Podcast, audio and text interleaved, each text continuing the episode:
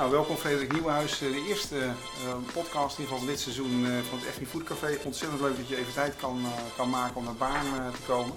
En eens gelijk, ik vind het heel leuk om te doen. Ja, we hebben natuurlijk even van tevoren gesproken om het gesprek een beetje door te nemen. Maar ik heb toch eerst maar even jouw doopsil gelegd. gelegd. Want het leek me wel leuk om ja, te weten waar je nou vandaan kwam. En ik zag daar onder andere studie Mechanical Engineering and Robotics in Delft, een jaar of 25 geleden. Is dat een vooruitziende blik geweest?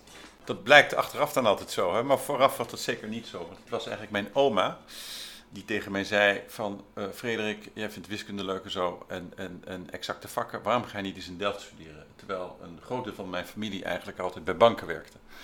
Ik ben dus in Delft gaan studeren. Ik vond eigenlijk dat werktuigbouw niet zo interessant, maar de laatste twee jaar wel... En toen dacht ik, ik ga toch iets doen wat in het hart van de werktuigbouw ligt met bouten en moeren. En uiteindelijk is dat productietechniek en robotica geworden. Nou, daar heb ik uh, nooit in mijn carrière iets mee gedaan of mogen doen. Uh, tot nu eigenlijk, want nu met de mechanisering van warehousing, met de manier hoe we naar onze vloot kijken, uh, komt het heel goed van pas. Ja, nou daar komen we dan straks zeker nog even ja. op terug. De vraag is natuurlijk of die kennis van toen nu nog steeds actueel en relevant is, want er, er zijn natuurlijk enorme Dat gaan we zien, ja. maar misschien de manier van denken. Ja, zeker weten. Uh, ja, Frederik Nieuwenhuis. Uh, ik vroeg me af van, noemt iedereen jou Frederik of heb je in jouw directe omgeving mensen die zo lui zijn en dat allemaal afkorten tot Fred of Fredje? Of is het allemaal netjes Frederik? Nee, er zijn, er zijn eigenlijk twee bijnamen. Nu wordt het dan meteen heel persoonlijk en privé. Maar de meest uh, gebruikte bijnaam is eh, Fred. En dat is vooral vriendenkring in de buurt waar ik woon en in het voetballen met mijn vrienden. Ik denk dat het ook mee te maken heeft dat het eh, op het veld lekker kort kan. Um, binnen Picnic is het uh, Frederik en uh, misschien na vandaag niet meer. Dat houden we zo. En, en vroeger in het studentenhockey was het Freek op een of andere manier, maar dat is, dat is er uitgesleten. Ja. Nou, maar, ik, maar als, als, je Frederik zegt, dan, uh, dan, dan reageer ik. Ja. Nou, we gaan niet alles doornemen hoor, maar ehm, wat natuurlijk interessant is, omdat het misschien ook wel aan de wieg heeft gestaan uiteindelijk van de, de oprichting van Picnic, is, ehm, is jouw tijd samen met Joris Bekkers bij Fred Hopper. Uh, dat staat natuurlijk ook wel aardig in de hoek van alles wat met online uh, en online verkoop te maken uh, heeft. Kun je iets meer vertellen over dat, uh, dat avontuur en hoe dat is afgelopen? Ja, precies. Nou, we zijn, we zijn rond zeg maar 2000 daarmee begonnen. Ehm, ik had een achtergrond in consulting bij OCNC, waar we vrij veel retail consulting deden. En waar ik er ook achter kwam dat als je iets wilde verkopen, dat belangrijk is waar je het precies plaatst in de winkel. Of dat nou een supermarkt was of een warenhuis of een andersoortige retail business. Um, Joris heeft een, of had een achtergrond bij Procter Gamble. En uh, het idee waar we mee rondstoeiden, dat ging over uh, in een online winkel kun je oneindig veel producten plaatsen, maar uh, op een scherm, dat was een klein computerscherm, werd later groter en daarna weer kleiner naar een smartphone, kun je met goed fatsoen 10, 12 dingen plaatsen, maar je ziet er maar drie. Ja. Dus welke drie? En eigenlijk hebben wij een bedrijf gemaakt, Fredtopper, en hebben we de software ontwikkeld om te bepalen uh, welke drie je het best kan laten zien. En dat is een combinatie van zeg maar machine learning en AI en ook zeg maar trading logic. Dus, dus dat, is, dat is zeg maar de logica van de inkoper, de verkoper die zegt uh, we doen nu uitverkoop dus of uh, ik heb allerlei nieuwe artikelen dus ik wil nu deze en deze campagne doen. Of een bepaalde deal met een fabrikant natuurlijk. Etcetera, ja. etcetera. En dat is de aanleiding geweest voor Picnic. We hebben dat verkocht uh, aan een beursgenoteerde firma in Engeland, SDL. Hebben met heel veel plezier daar gewerkt, ook nog naar de hand trouwens. En toen uh, vonden we dat, dat die software voor, voor winkeliers, online winkeliers, zo leuk dat wij dachten we willen eigenlijk zelf ook wel online winkelier worden. En uit die gedachte, toen zijn we gaan rondkijken, is eigenlijk het idee ontstaan om eerst naar food te kijken, want uh, online food, daar gebeurde niks mee, terwijl non-food als een speer ging.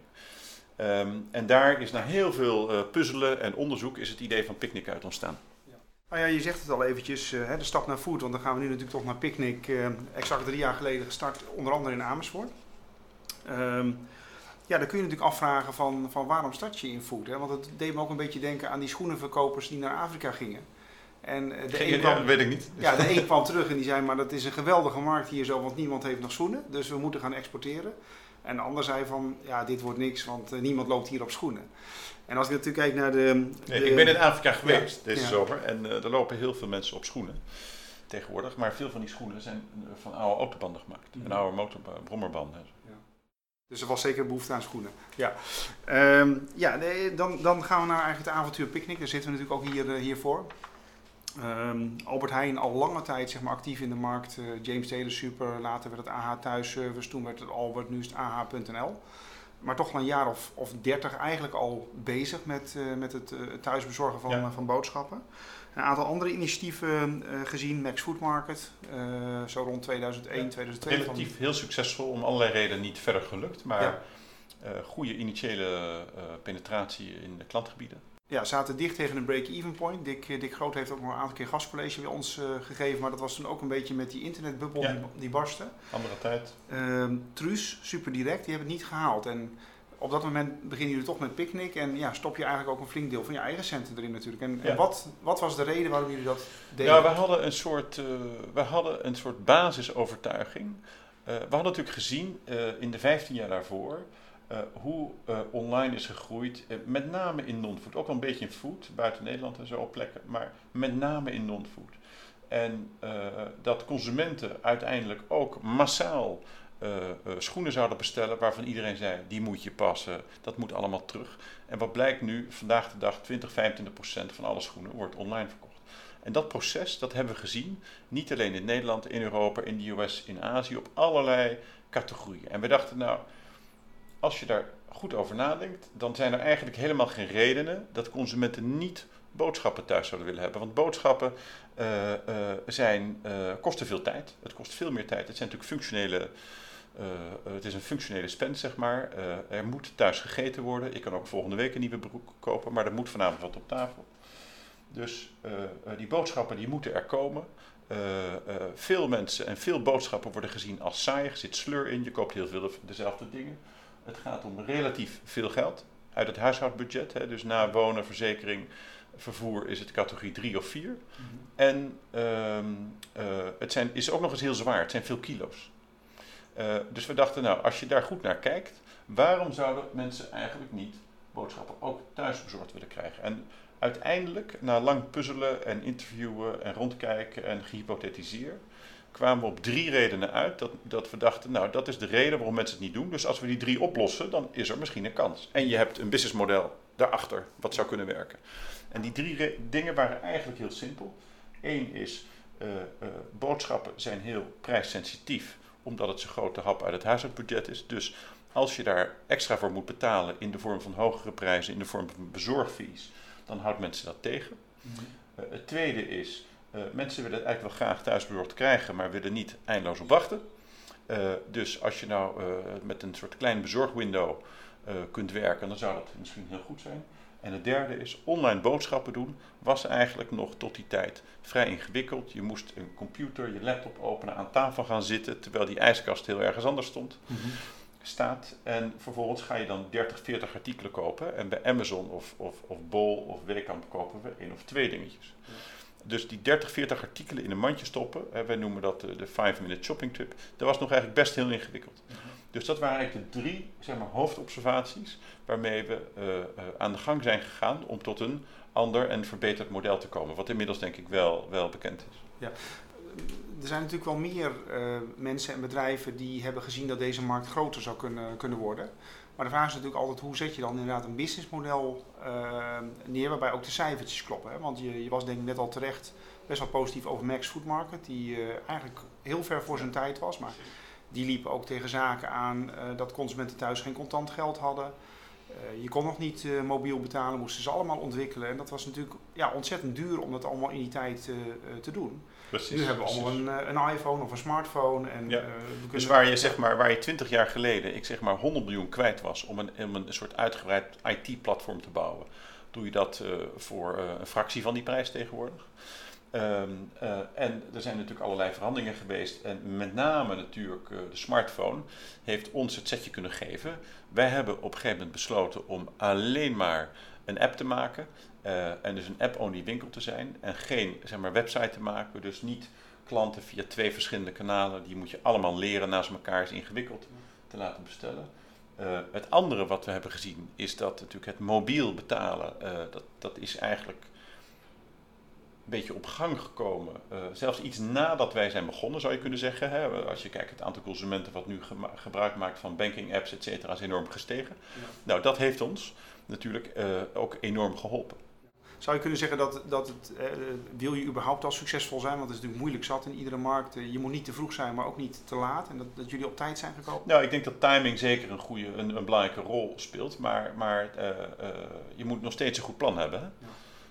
En, en dat is denk ik ons Hè, ons ondernemerschap heeft er denk ik onder andere uit bestaan door, door aan de ene kant heel precies te puzzelen en, uh, en het heel precies uit te werken, eindeloos aan te rekenen. En aan de andere kant natuurlijk, zeg maar, de partners, de, de ondernemers, uh, leveranciers, geldschieters te vinden. Allemaal in de juiste volgorde en tijd om uiteindelijk een start te kunnen maken. Ja. En dat is natuurlijk ook het grote, de grote lol en het plezier om dit te doen. Ja, kan me voorstellen. Um, even wat, um, wat facts en figures van, um, van Picnic. Uh, drie jaar geleden gestart, Amersfoort en uh, Leusden. inmiddels vier DC's. Hè. Het vierde DC in Eindhoven, een groot DC, 18.000 vierkante meter, is ja. denk ik in april open ja, gegaan. Het is, een, het is een mix tussen een DC en ook een hub. Oké.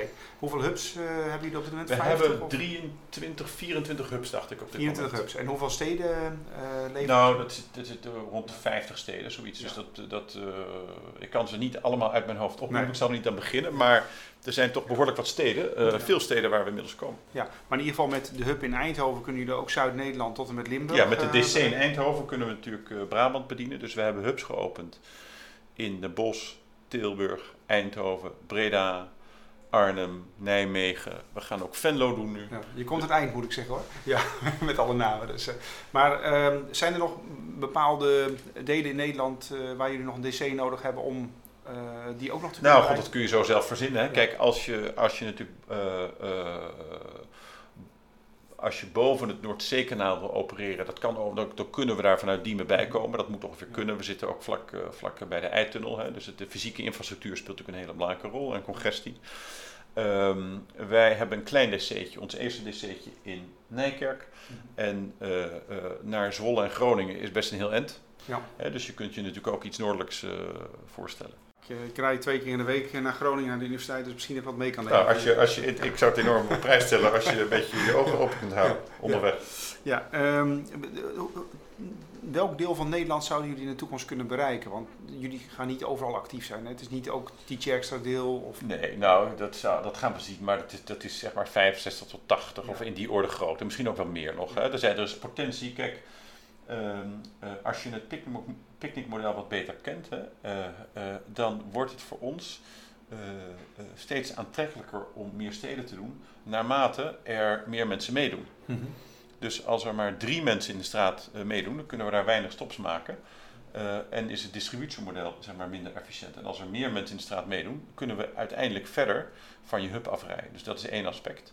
En het totale volume natuurlijk, wat je door 1 DC uh, weet, uh, weet te produceren, dat heeft natuurlijk ook schaalvoordelen. Ja. Even wat andere, wat andere feiten, dus drie jaar bezig, vier DC's, drie 24 hubs gaf je, gaf je aan. Uh, Joris Bekkers gaf aan dat de omzetraming voor 2018 rond de 250 miljoen uh, is. Is dat inclusief ook al Duitsland? Want jullie zijn natuurlijk ook begonnen in Noord-Rijn-Westfalen. Ja, dat is, dat is, dat is ex-Duitsland. En dus dat, dat, dat, dat is Nederland. Ja. Um, ja, verder, um, we hebben ook uh, wat meer gekeken naar de prijsstelling van, uh, van Picnic. Dat komt heel dicht overeen ja. met Jumbo Laag.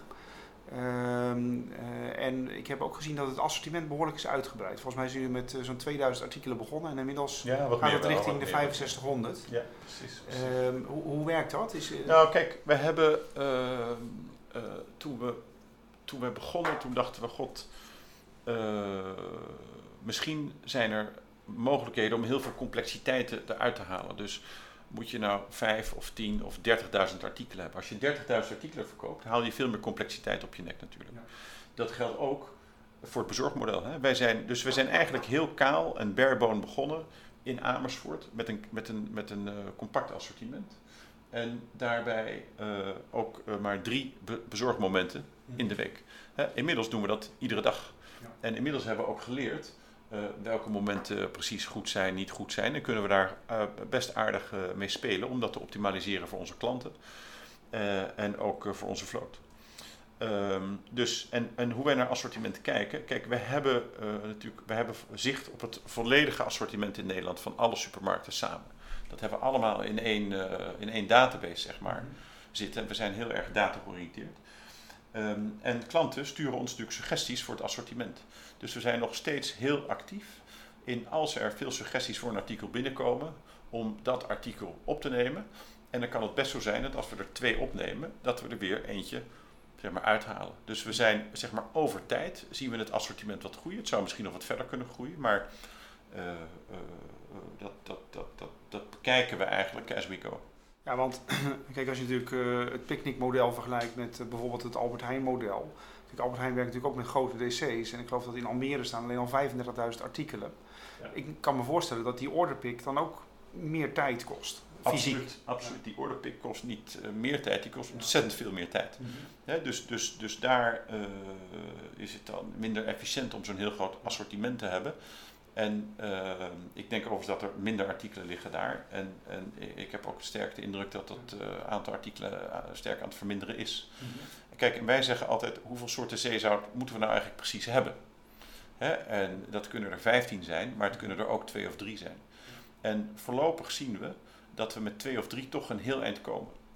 en dat, dat, dat kan soms tot gevolg hebben dat je niet ieder artikel en dus niet de, de volledige spend of de volledige uitgave van, natuurlijk van een huishouden kunt, uh, kunt bedienen. Ja. En uh, hoe ga je dan om? Want je krijgt natuurlijk uh, ook in de loop der tijd, ja, Picnic is een merknaam geworden. Consumenten hebben verwachtingen. Die verwachtingen die groeien ook in de loop der tijd. Hoe, hoe hou je zeg maar dan het evenwicht tussen nou toch een lean en mean operatie en het voldoen aan de klantenvraag? Nou, door te proberen toch iedere keer bij iedere individuele suggestie de dialoog met die klant aan te gaan. En te zeggen, god nee, dat klopt. Uh, dit artikel misschien hebben we op dit moment niet in ons assortiment. Uh, echter, we hebben wel deze twee of drie alternatieven. Kunt u daarmee uit de voeten? Dus we hebben die dialoog, die voeren we echt heel uitvoerig. En daarmee krijgen we, denk ik, heel goed gevoel van, van, van waar moeten we uiteindelijk uitkomen. -hmm. Maar dat betekent dus ook dat je soms eigenlijk nee moet, uh, moet zeggen. Om, dat kan zo zijn. Dat kan ja. zo zijn. Ja. Um, ja, jullie groeien ontzettend En dan nog even daarop terugkomen. Ja. Kijk, kijk uh, dus die vragen die zijn er ook. Hè, maar we hebben ook gemerkt dat veel te veel assortiment, ook zeker uh, als je door je app moet scrollen en je hebt die 20 soorten zeezout, daar worden mensen ook niet gelukkig van. Dus we kunnen één persoon gelukkig maken door die hele specifieke lokale variant van zeezout uh, uh, uit Ameland of Terschelling op te nemen. Ja. Maar misschien dat heel veel andere mensen dan denken, hm, voor mij wordt het niet per se prettiger. Dus ja. daar zoeken we ook enigszins de balans in. Ja. Ik kan me dat heel goed voorstellen, dat je ook niet al die slack wil inderdaad in, in, in de app. Um, een andere vraag is dat jullie zijn ontzettend snel gegroeid. Ehm, dat betekent ook heel veel personeel, logistiek personeel, bezorgers. Begonnen drie jaar geleden toen we zo'n beetje aan het eind zaten van de recessie, uh, er denk ik ook nog veel mensen beschikbaar waren. We zitten nu inmiddels in een economie waarbij uh, ambtenaren in Amsterdam uh, voor de klas moeten gaan staan en kantoorpersoneel van de post ook post moeten gaan bezorgen. Ehm, kun je nog aan goede en aan voldoende goede mensen komen? Ja, ja, kijk, de arbeidsmarkt is natuurlijk lastig. Hè? Je zei net van god, jullie zijn snel gegroeid. Hè? En, en in, in de aanloop naar Picnic hebben we alles keurig gemodelleerd, spreadsheets gemaakt. En daar staat ook in een bepaald lijntje van zoveel mensen van dit en zoveel bezorgers en runners. En uh, we hebben dat natuurlijk allemaal zeg maar, moeten optuigen afgelopen jaren. En dat is een enorme, onafzienbare klus van, uh, van uitdagingen, die ook continu doorgaat. Ehm, waar we aan werken. En daar hebben we toch, en wat, wat we eigenlijk hebben geleerd daarin, als je voor het eerst iets doet, is het onwaarschijnlijk ingewikkeld. Voor het eerst een DC optuigen, wat andere mensen misschien al tien keer hebben gedaan, is voor ons heel ingewikkeld. De tweede keer gaat een stuk beter. De derde keer is routine. Ja. Dus dat, dat, dat steunt ons enorm ook om hele moeilijke, ingewikkelde onderwerpen uh, over precies forecasting en, uh, en dus ook bijvoorbeeld recruiting te doen. He, we hebben hele goede relaties ontwikkeld met uitzendbureaus om uh, zeg maar de, de basisflow op gang te krijgen. Maar we hebben ook geleerd dat we zelf heel actief moeten zijn om goede werkgever te zijn. En dat is, daar speelt salaris een rol in. Maar het gaat ook heel erg om de sfeer waarin je werkt, de mogelijkheden die er zijn. We hebben nu dus die vier DC's. Die DC's die hebben supervisors. En ik denk dat inmiddels de helft van de supervisors zijn mensen die gewoon als orderpicker zijn begonnen. En die zijn doorgegroeid, doorgestroomd. En die zijn nu de baas over zo'n DC uh, uh, vanmiddag of vanavond. En hebben feitelijk al heel veel operationele ervaring En, en wij bieden ja. dus jonge mensen een enorme uh, opportunity. Hè. We hebben ook mensen die zo'n DC leiden, die 26 zijn. Mm -hmm. Die rechtstreeks min of meer uit de schoolbanken komen. Dus we bieden heel veel opportunity. Uh, um, en we merken dat dat enorm aanslaat, zowel uh, aan de kant van de DC's als ook aan de kant van zeg maar, de distributie. Mm -hmm. En er zijn veel meer, uh, er, is een, er, er, is een behoorlijke lijst van taken en activiteiten die je daar moet verrichten. En dat geldt ook voor, voor, een, voor een hub. Dat is niet alleen maar de bezorging doen, maar het, het is ook de coördinatie, de planning, de promotie, de recruiting. Uh, we hebben ook mensen die zich op de sfeer richten. We, hebben, we zijn zo ver gegaan dat we DJ-sets hebben gekocht die zeg maar roleren over de hubs, zodat daar leuke feestjes kunnen zijn. Ja, even over, uh, jullie hebben een heel ander model dan het zeg maar, traditionele supermarktmodel. dat betekent dat je ook heel veel kosten vermijdt die anderen wel moeten maken. Aan de andere kant moeten jullie natuurlijk ook kosten maken die anderen weer niet maken. Ik neem aan dat jullie aardig wat programmeurs in dienst hebben. Ja. Um, heb je nou meer programmeurs nodig naarmate je groeit? Of is dat, we spreken een groep van 20, 25 man en dat blijft hetzelfde? Want ja, dit is natuurlijk veel makkelijker uit te breiden. Je hebt ja. niet opeens twee. Nou, kijk, we hebben, uh, we hebben eigenlijk in het begin de keuze gemaakt om uh, bijna alle software eigenlijk zelf te ontwikkelen. Dus we hebben niet software van derden gekocht, heel beperkt. Um, en uh, we hebben ook geen ERP van, van, van een grote bekende leverancier gekocht, maar we hebben stap voor stap al die componenten eigenlijk zelf ontwikkeld. Mm -hmm. Dus uh, de groei van het team eigenlijk schaalt heel erg met de groei van het aantal componenten. Wij, wij, wij, wij hebben het over softwareproducten, dat zijn er al 15. Uh, tot en met zeg maar, de trip- en routeplanning van de voertuigen. Kun je zeggen, nou, dat kun je allemaal op elke hoek van de straat kopen. We hebben toch besloten om dat zelf te doen, om het helemaal te teleren naar onze wensen. Dus de groei van dat, van dat uh, tech-team, zoals wij dat doen, uh, dat schaalt mee met eigenlijk het aantal producten. En natuurlijk het wensenlijstje, wat de gebruikers van die producten hebben, zeggen, nou, ik wil graag dat het zus en zus en zus en zo kan. Mm -hmm. Dus dat betekent dat we nog volop in, in de groeimodus zitten, ook van dat tech-team. Dat tech-team bestaat inmiddels uit 20 nationaliteiten. Um, en je zou kunnen zeggen dat eigenlijk de grootste recruiting uitdaging voor ons in dat tech-team ligt. Mm -hmm. En niet eens op het logistieke gebied. Dus wij hebben een paar duizend uh, sollicitaties per maand. Mm -hmm. Ik geloof dat we 1 op de 200 ja. of zoiets Java-ontwikkelaars uh, uh, aannemen. Dus we zijn daar heel picky. Misschien doen we ook dingen allemaal niet goed, maar mm -hmm. we kiezen heel erg onze eigen route. En, en we recruteren ook inmiddels in wel 20 landen. Ja. En dat doen we allemaal zelf. Daar hebben we geen agencies voor.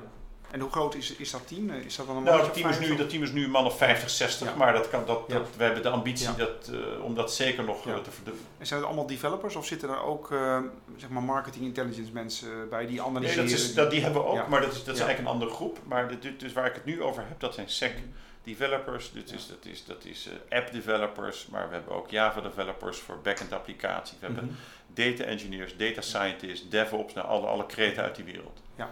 Dat is natuurlijk de, zeg maar de technische kant van, ja. van de zaak. Uiteindelijk is natuurlijk ook de vraag, uh, wat kun je ermee? Hè? Waarvoor, waarvoor doe je het? Um, wat kan Picnic bijvoorbeeld aan noem maar wat merkfabrikanten bieden wat een gewone winkel niet kan qua nou, intelligence? Ja, precies. Je had het even over die marketinganalisten. Daar hebben we natuurlijk ook een hele club van. Dat zijn vaak econometristen, wiskundigen, natuurkundigen.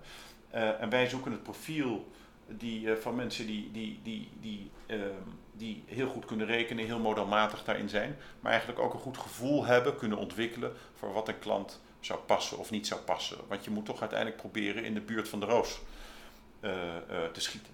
Nou, met dat team en dat tech-team hebben we een vrij, denk ik, uniek platform gemaakt. we noemen dat het partnerplatform. En daarmee zijn we eigenlijk in staat om iedere consument een uniek assortiment aan te bieden met unieke prijzen en unieke promoties. Mm -hmm. En als je dat hebt, dat betekent dat als een fabrikant uh, een nieuw artikel heeft, een nieuw product wil lanceren, uh, dat wij eigenlijk hem het platform kunnen bieden om dat uit te proberen. Real-time testen eigenlijk. Ja, en wij kunnen dus, je kunt zeggen, goh, geef ons uh, wat voorraad en een, een goede foto om het zo. Wij maken de foto's over zelf en alle beschrijvingen, maar de productinformatie onderliggen dan kunnen wij dat op verschillende type groepen van huishoudens met of zonder kinderen, in bepaalde inkomensklassen, in bepaalde geografische locaties, kunnen we dat heel precies testen. Mhm. En we kunnen niet alleen testen uh, uh, of dat aanslaat, maar we kunnen dat ook vergelijken met andere producten. Dus we noemen dat AB-testing of, of multivariate testing. En we kunnen zelfs, als we die tests uitvoeren, ook weer in de gaten houden in onze ooghoeken wat er met een vergelijkbaar product gebeurt. Bijvoorbeeld misschien van een concurrent, maar ook je eigen product. Dus als, als een fabrikant een nieuwe uh, variant op de markt brengt van, ik zeg maar 600 gram verpakking en hij heeft al een 400 gram verpakking, dan kunnen wij heel goed de impact zien, ook op het, zeg maar, op het omgeving. Nou, we hebben langzamerhand geleerd. Uh, er zit een enorme ontwikkeling, daar gaat heel veel kracht in. Dat is natuurlijk helemaal niet zichtbaar aan de voorkant. Dat dat uh, vrij uniek is, want er zijn grote aantallen fabrikanten die bij ons echt in de rij staan om zeg maar ook een samenwerking met ons op te tuigen. En, en wij hebben daar, dus wij proberen hun zeg maar een partner voor hun te zijn, zodat zij hun propositie beter over de bühne kunnen, brengen, kunnen brengen. Maar tegelijkertijd zijn we ook, uh, uh, kijken is, is het ook het primaire doel om onze klanten goed te kunnen bedienen. Mhm. Dat betekent dus niet dat we onze app vol gaan stoppen met allerlei aanbiedingsbanners, waardoor bijvoorbeeld door, door, waardoor je door de boom het bos Het niet is meer ziet. eigenlijk veel slimmere technologie, zou je kunnen zeggen. Ja, het is veel gerichter, maar het moet ook, zeg maar, het moet ook de klant uh, van dienst zijn. Dus wat we ook natuurlijk niet gaan doen, is dat we zeggen, nou, we hebben hier alle klanten met deze en deze kenmerken en uh, alsjeblieft, dit zijn hun e-mailadressen. Er is er ook absoluut geen sprake van. Het is meer, maar je kunt in ieder geval uh, als fabrikant op een andere manier zeg maar, samenwerken met Picnic als het gaat bijvoorbeeld om de launch Ja. van nieuwe producten of op het, als het gaat om het promoten van, uh, van, van, van bepaalde merken. Ja. Ehm, en dit, is- dit, ja. dit is een voorbeeld hè, van, van, wij hebben dit ontwikkeld puur vanuit de gedachte, we gaan het anders doen. Mhm. En hoe anders wisten we nog niet. Dus, maar we hebben, we hebben wel van tevoren gezegd, we gaan niet doen wat die mensen links of rechts van ons al doen. En dat doen we eigenlijk op heel veel vlakken. En dat betekent soms dat je eh, met pijn en moeite iets uitvindt wat de rest eh, al, al heel lang weet. Maar het betekent ook dat we allerlei nieuwe horizons ontdekken Mhm. die andere mensen niet nog hebben ontdekt. En, en daar zitten hele interessante voorbeelden in door, de, door het hele bedrijf. We hebben bijvoorbeeld, een, ik zal een aardig voorbeeldje noemen, we hebben, wij zijn een supermarkt en we doen een beetje promoties. Dus we hebben nu ook een, een promotierooster in het warehouse gemaakt. Dat als je op bepaalde momenten werkt, dan kunnen wij jou extra bepalen. Maar dat rooster, dat, dat promotierooster is misschien een maand geldig. Ja. En dan komt er weer een nieuw promotierooster. Mhm. En zo hebben we allerlei voorbeelden van hoe we toch nieuwe dingen proberen te verzinnen. Heel vaak in combinatie met, met technologie, slimme lui erbij en, en goed voor de klant. Ehm, ja, als, je, als je ongetwijfeld eh, ben je goed op de hoogte van het, eh, het businessmodel van, van Amazon. Is natuurlijk begonnen eh, als, als retailer. Ehm, verkoopt ook wat data, zegt men, zegt men dan. Ehm, maar dat zijn natuurlijk uiteindelijk inzichten die je verkoopt ook aan, aan fabrikanten. Het schijnt dat ze inmiddels naar zo'n 2,5% van hun omzet daaruit komt. Eh, is, is dat bij Picnic ook een onderdeel van het businessmodel, van het inkomstenmodel? Nou, als je die samenwerkingen aangaat, dan kunnen wij daar ook, en wij, wij weten veel eh, waarde te genereren en inzichten te leveren die relevant zijn. Dan is natuurlijk ook, eh, kunnen wij een vergoeding voor vragen. Mhm. dat, dat, Ja. dat doen we ook zeker. Ehm, ja, jullie zijn in Nederland een van de weinige ehm, pure players. Eh, wereldwijd zijn er natuurlijk meer pure, eh, pure players. Je hebt natuurlijk Peapod in, in Amerika. Je hebt natuurlijk Amazon met Amazon Fresh eh, die actief is. Ja, is ook wel met fysieke Maar winkels Peapod bezig. natuurlijk, Ja. hangt wel aan een groot bedrijf vast, zoals Ja. je weet. Nou, laten we dan eens naar Ocado kijken. Want dat is, dat is op zich in de basis een pure player. Eh, maar zij stellen wel een stuk van hun technologie, met name van hun, logistieke expertise, ook eh, beschikbaar aan, aan andere. Morrisons, Kroger, dat soort, eh, dat soort partijen. In hoeverre is, is Picnic vergelijkbaar met Ocado en, en waar verschillen jullie? Nou, ik zou zeggen dat, het, dat, er, dat er meer verschillen zijn dan uiteindelijk overeenkomsten. Ocado is een prachtig bedrijf. Is natuurlijk al bijna twintig jaar geleden begonnen. Ehm, hebben uiteindelijk doordat, door de samenwerking met Morrisons ook een propositie naar klanten geformuleerd die toch een beetje high-end was, eh, premium. Eh, hebben er ook bezorgfees aan gekoppeld. En dat betekent dat uiteindelijk Ocado een merk is geworden waar eh, een relatief kleine groep consumenten graag bestelt. En dat doen ze in Engeland. Ze zijn alleen in Engeland actief. Eh, wat Ocado tegelijkertijd heeft gedaan, is dat ze eigenlijk heel vroeg eh, allerlei exploratie hebben gedaan in technologie. eh, en dat heeft zich met name geconcentreerd op hun warehousing en de mechanisering daarvan. En daaruit is ontstaan wat ze noemen OSP, Ocado Smart Platform, waar ze, wat ze nu een aantal keer hebben verkocht. en de grootste deals met Kroger geweest in, in de US. Dus, dus zij zijn verwoorden van zeg maar een supermarkt, een winkelier, naar een zeg maar technologieleverancier. Dat is niet eigenlijk wat Picnic is, want Picnic is gericht op het midden van de markt. Wij willen er voor iedereen zijn en ook tegelijkertijd dus in die straat zoveel mogelijk stops maken. En, uh, en we gebruiken er ook heel veel technologie voor. En wat wij, dat kun je ook heel duidelijk zien, uh, natuurlijk aan het doen zijn, uh, is wij hebben gezien dat er ongelooflijk veel belangstelling is voor Picnic als serviceconcept bij consumenten in Nederland. En dat, dat, dat, dat, dat houdt niet op. ook niet in Brabant en ook niet op plekken waar we nu beginnen. Um, dus wij dachten, zou dat ook niet zo in andere landen zijn? Dus wij zijn begonnen om te kijken hoe we picknick in om, omringende landen aan de gang kunnen krijgen. Dat is gelukt nu. Ja, in Duitsland. In Duitsland. We zijn in de omgeving van Düsseldorf actief. We gaan nu een volgende hub openen binnenkort, binnen een paar weken. In Mönchengladbach. En uh, uh, dus wat we aan het doen zijn, is eigenlijk het format van Picnic proberen uh, uit te rollen, te lanceren in, om ons omringende landen. als met, met daarachter zeg maar de hele, wat wij noemen de hele stack van technologie en ervaring. Mm -hmm.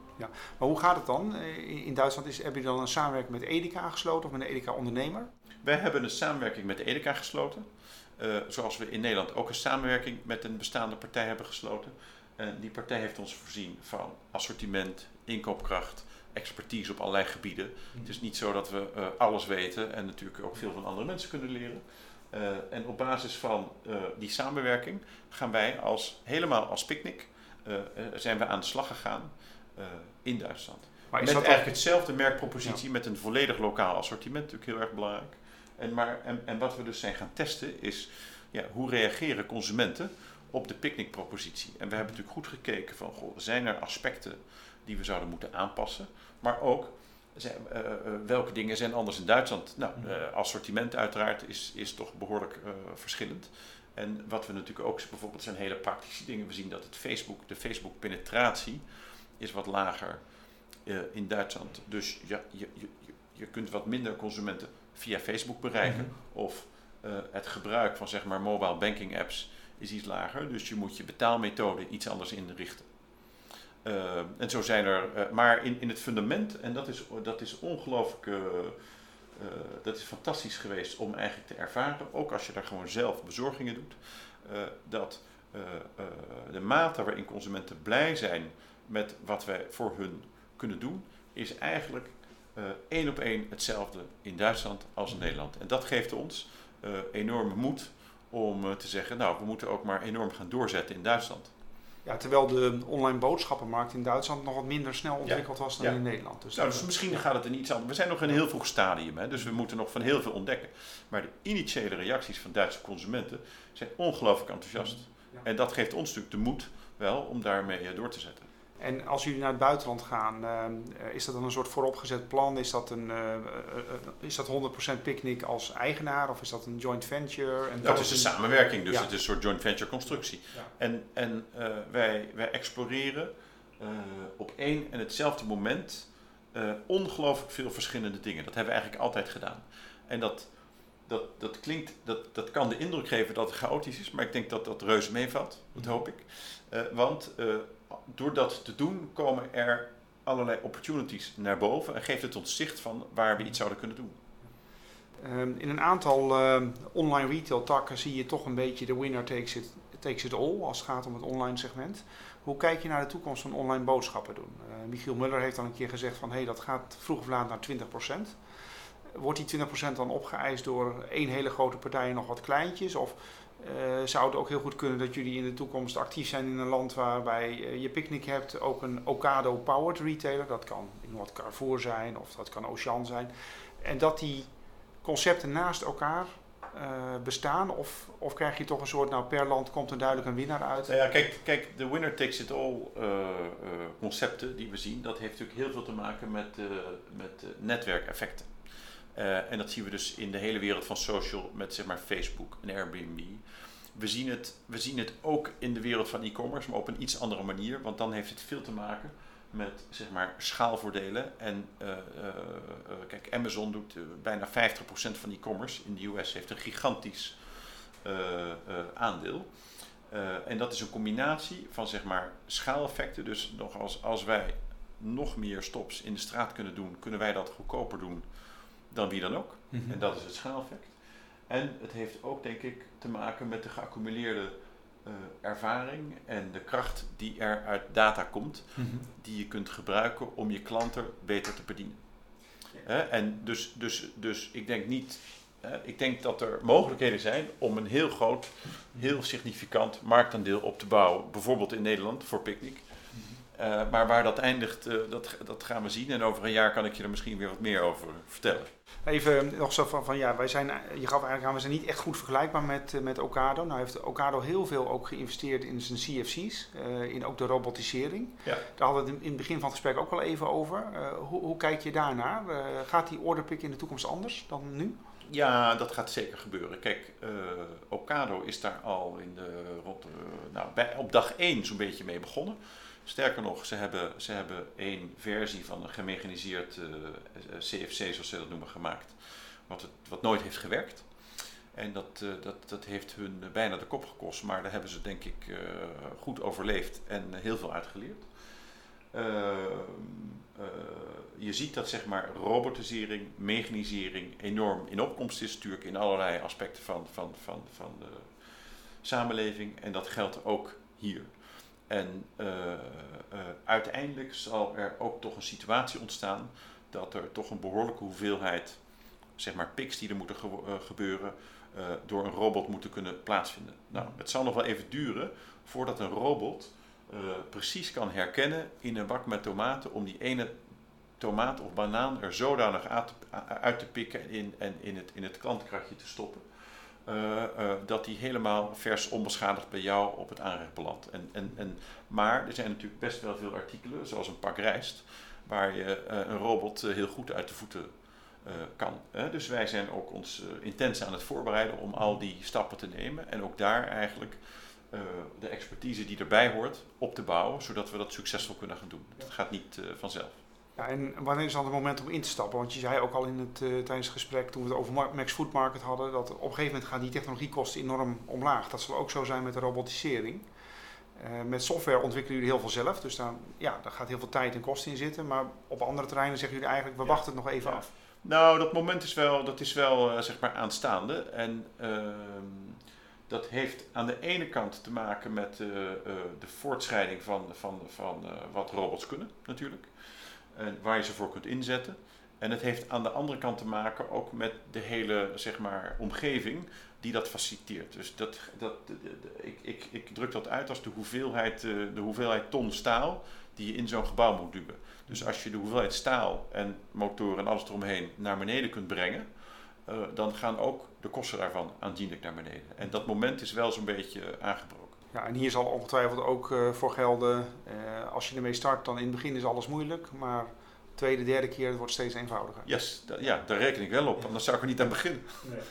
Ehm, ja, nou even van, van ehm, eh, jij en Joris en waarschijnlijk ook anderen, want jullie zijn Precies, natuurlijk je, ja. hebt het nu Ja. over mij en Joris, Ja. dus- maar we zijn, eh, we hebben Michiel Muller, Gerard Schijn en een hele trits van andere mensen binnen Picnic die Mhm. natuurlijk belangrijke rollen spelen. En deze vier mensen die, die zijn iets meer in, het, in de spotlight en hebben iets meer grijze haren. Maar Mhm. er is een enorme groep van zeg maar, jonge eh, eh, teamleden tussen de 25 en de 30 Mhm. die hele belangrijke verantwoordelijke rollen spelen, waarvan je, die, die je ook in een, in een, in een traditioneel bedrijf eh, nooit zou krijgen.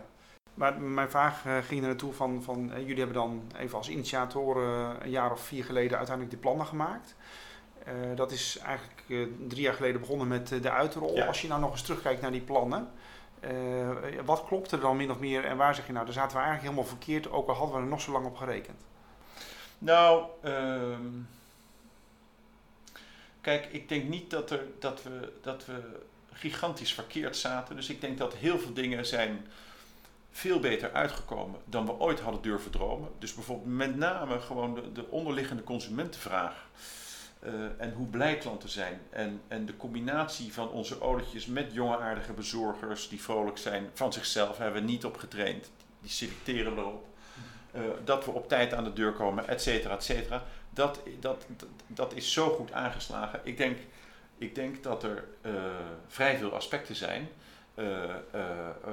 waar we wel hadden bedacht, nou, daar moeten we ook iets aan doen. Maar dat we niet hadden bedacht hoe we dat gingen doen. Of dat dat zo ongelooflijk veel werk zou zijn. Dus we hebben bijvoorbeeld een klantenservice wel bedacht. Maar later zijn we eigenlijk pas in detail gaan invullen hoe we dat goed konden doen. Hè. Wij doen bijna de helft van onze klantenservicecontacten is via WhatsApp. Dat betekent dat het supersnel gaat. Dat betekent dat we al die contacten binnen een uurtje of zo heb je respons van Picnic. Ja.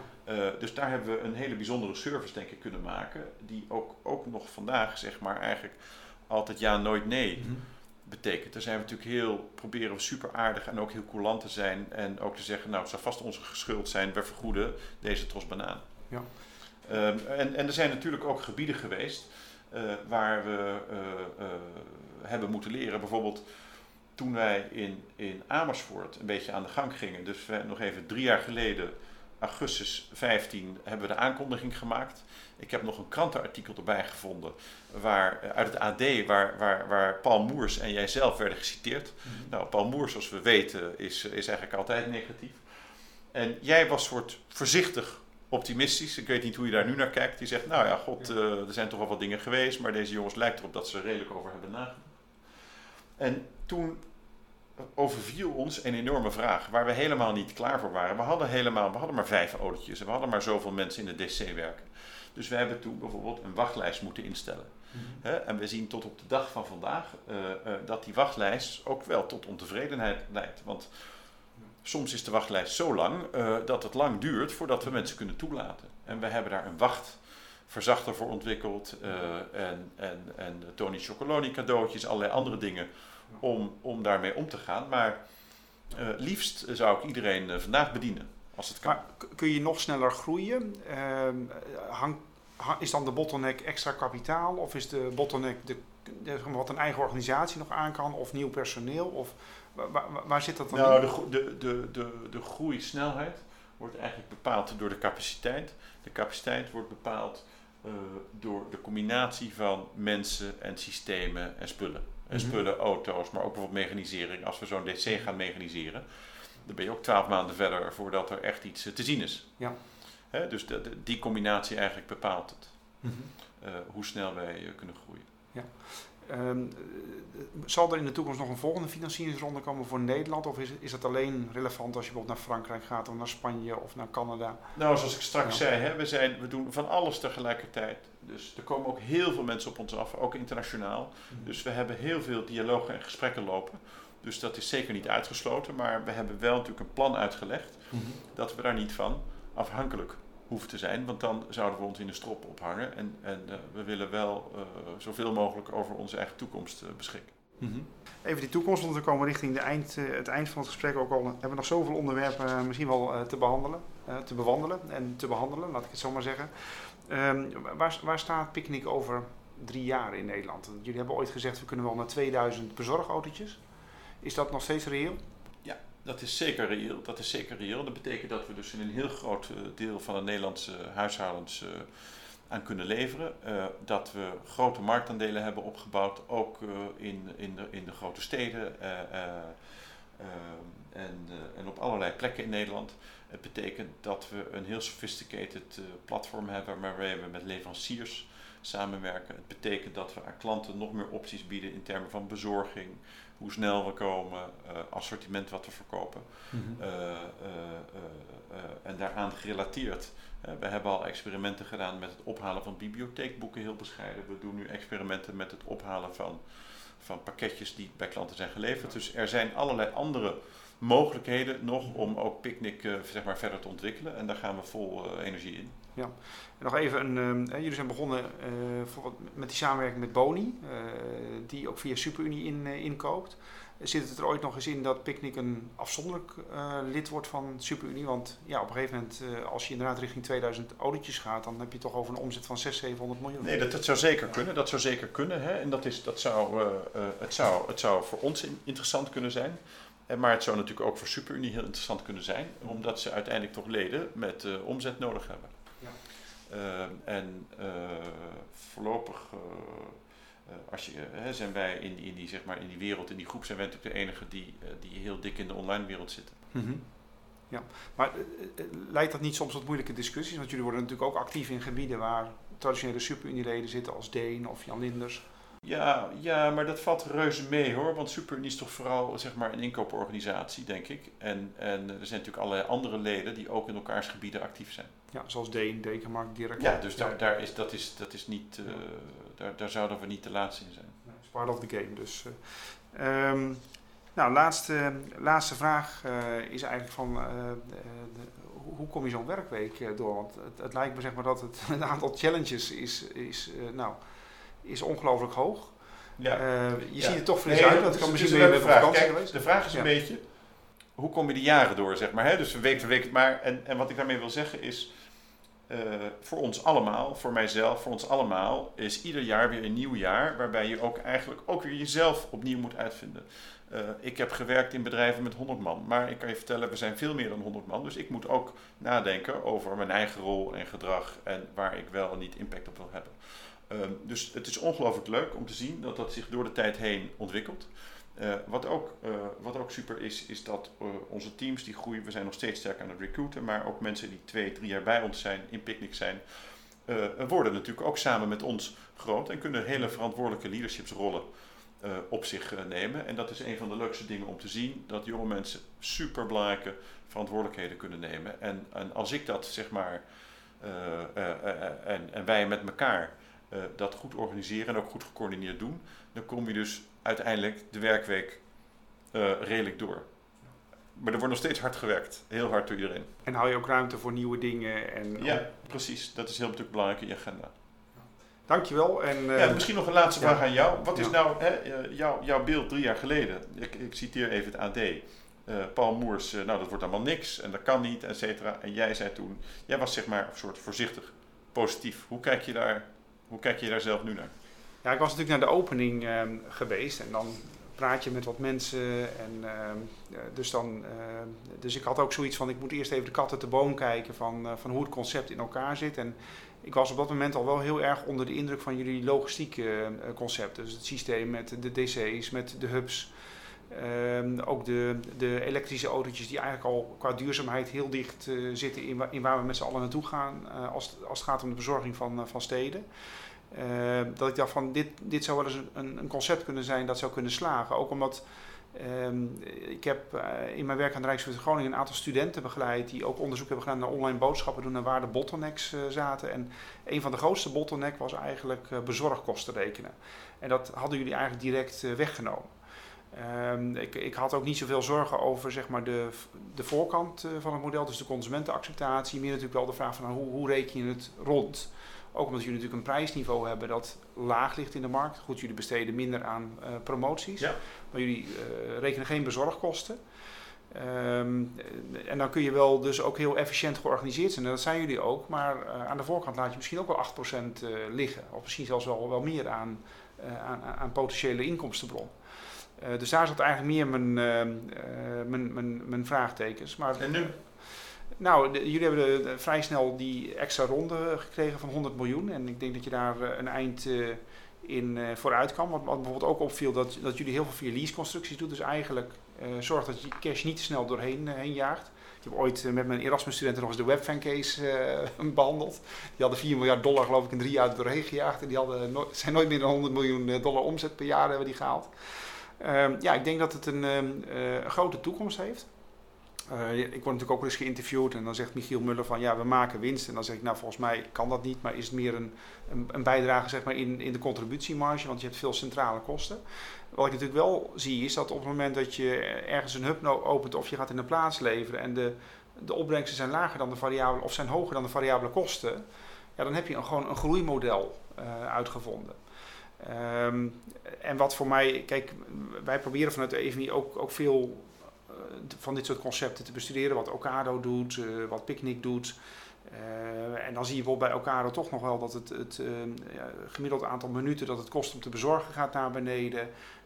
de orderpick is in tien jaar tijd vertweevoudigd zeg maar, per tijdseenheid. Dus daar zit, daar zit nog een hoop technologie en, en slimmigheid waardoor die kosten om, om, om, omlaag gaan. Uh, dus ik zie en dat kunnen wij natuurlijk ook. Dat ja, wij natuurlijk ook ja dus, dus ik zie, uh, uh, ik denk dat Picnic een blijvertje is. Nou mooi, nou laten we over een jaar misschien nog even ja. samenkomen. Ja. dan kijken we waar we staan. Ja, veel succes en dankjewel. Dankjewel, graag gedaan.